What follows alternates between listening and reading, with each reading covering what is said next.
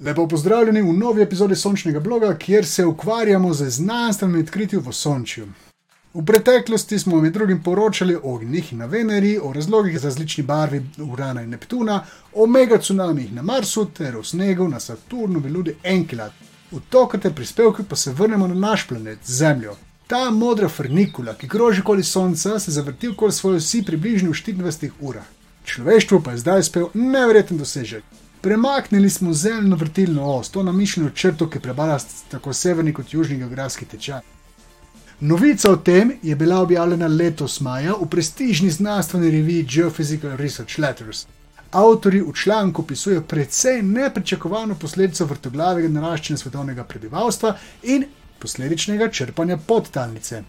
V obdobju med leti 1993 in 2010 naj bi človeštvo načrpalo v tolikšni meri, da se je zaradi tega premaknila celo zemljina vrtilna os, oziroma se je ta premaknila nekoliko drugače, kot bi se, če ljudje ne bi intenzivno črpali podtalnice iz globin. K premikanju vrtilne osi Zemlje namreč prispeva več pojavov, pri čemer sta najbolj pomembna taljenje polarnega ledu ter visokogorskih ledenikov, sledi pa prispevek zaradi črpanja podtalnice. Pa poglejmo, kako to deluje.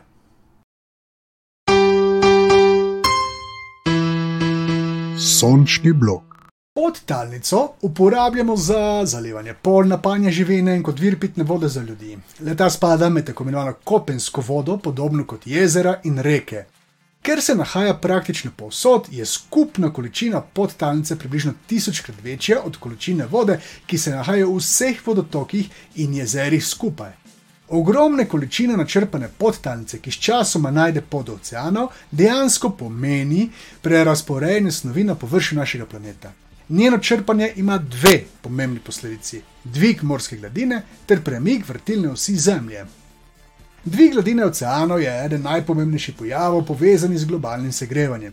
Satelitske meritve so pokazale, da se je med leti 2005 in 2015 v povprečju morska gladina dvignila za 3,5 mm na leto.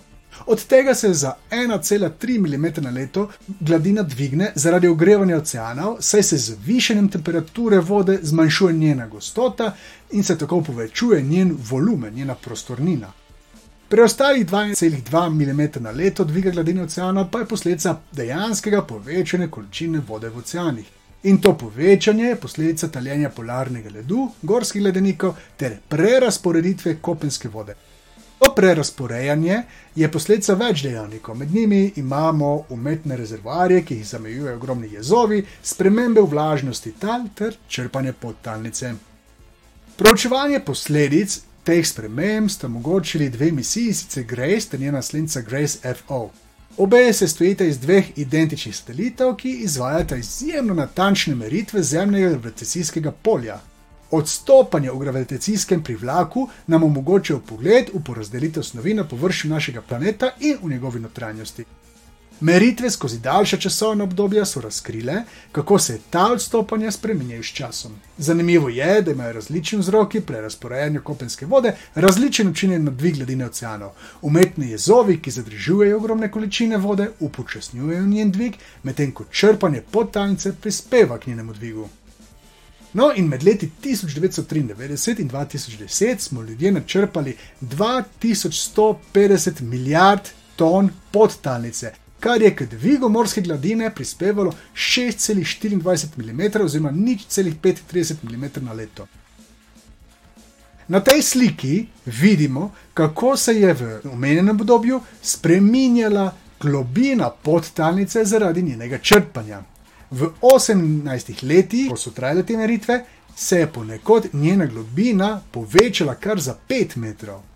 Ta druga slika pa prikazuje, kako se je dvignila gladina morske vode oziroma oceanov zaradi črpanja podtalnice in vidimo, da se je povečinoma dvignila za več kot 5 mm. Spremembe v porazdelitvi mase na zemljem površju imajo zanimivo posledico. Zemlja je približno krogla, ki se vrti okoli svoje osi. Če se spremeni porazdelitev snovi, bodi si v notranjosti planeta, bodi si na površju, se spremeni tudi orientacija te osi. Tukaj na sliki vidimo puščice oziroma vektorje, ki prikazujejo, v katero smer in kako močno poskušajo zemljino os spremeniti posamezni pojavi. Oznaka DEMS označuje prispevek zaradi umetnih jezov. AIS zaradi taljenja antarktične ledene kape, GRLS označuje prispevek zaradi taljenja grenlandske ledene kape, Glaciers prispevek zaradi taljenja ledenikov in G2V prispevek zaradi črpanja podtalnice, groundwater po angliško. Dolžina puščic je seveda močno pretirana in pomembnejše kot absolutne dolžine so njihove relativne velikosti. Slika nam razkriva, da taljenje grenlandske ledene kape ter črpanje podtalnice največ prispevata k spremembi orientacije vrtilne osi Zemlje. No, na tej sliki pa so prikazane tri puščice. Modri predstavljata izračunana premika zemljine vrtilne osi, pri čemer črtkana puščica predstavlja izračunani premik brez upoštevanja črpanja podtalnice, medtem ko polna puščica predstavlja premik ob upoštevanju te dejavnosti. Reča puščica pa predstavlja opazovani premik vrtilne osi. Elipse na sliki označuje napake, ki izhajajo iz različnih omejitev pri izračunih in opazovanjih. Opazimo, da izmerjeni premik vrtilne osi Zemlje se opada z izračunanim v primeru, ko se upošteva prispevek črpanja podtalnice.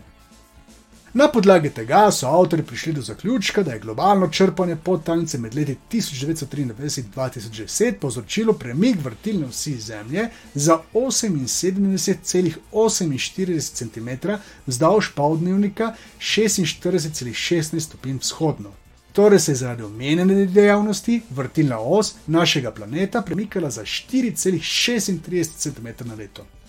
Čeprav je ta premik zelo majhen v primerjavi z velikostjo našega planeta, pa je kljub temu merljiv.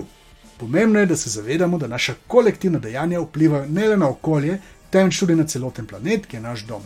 Premik vrtilne osi Zemlje je ena tistih posledic, na katero nismo niti pomislili. Le kakšne odkritja nas potem takem še čakajo v prihodnosti.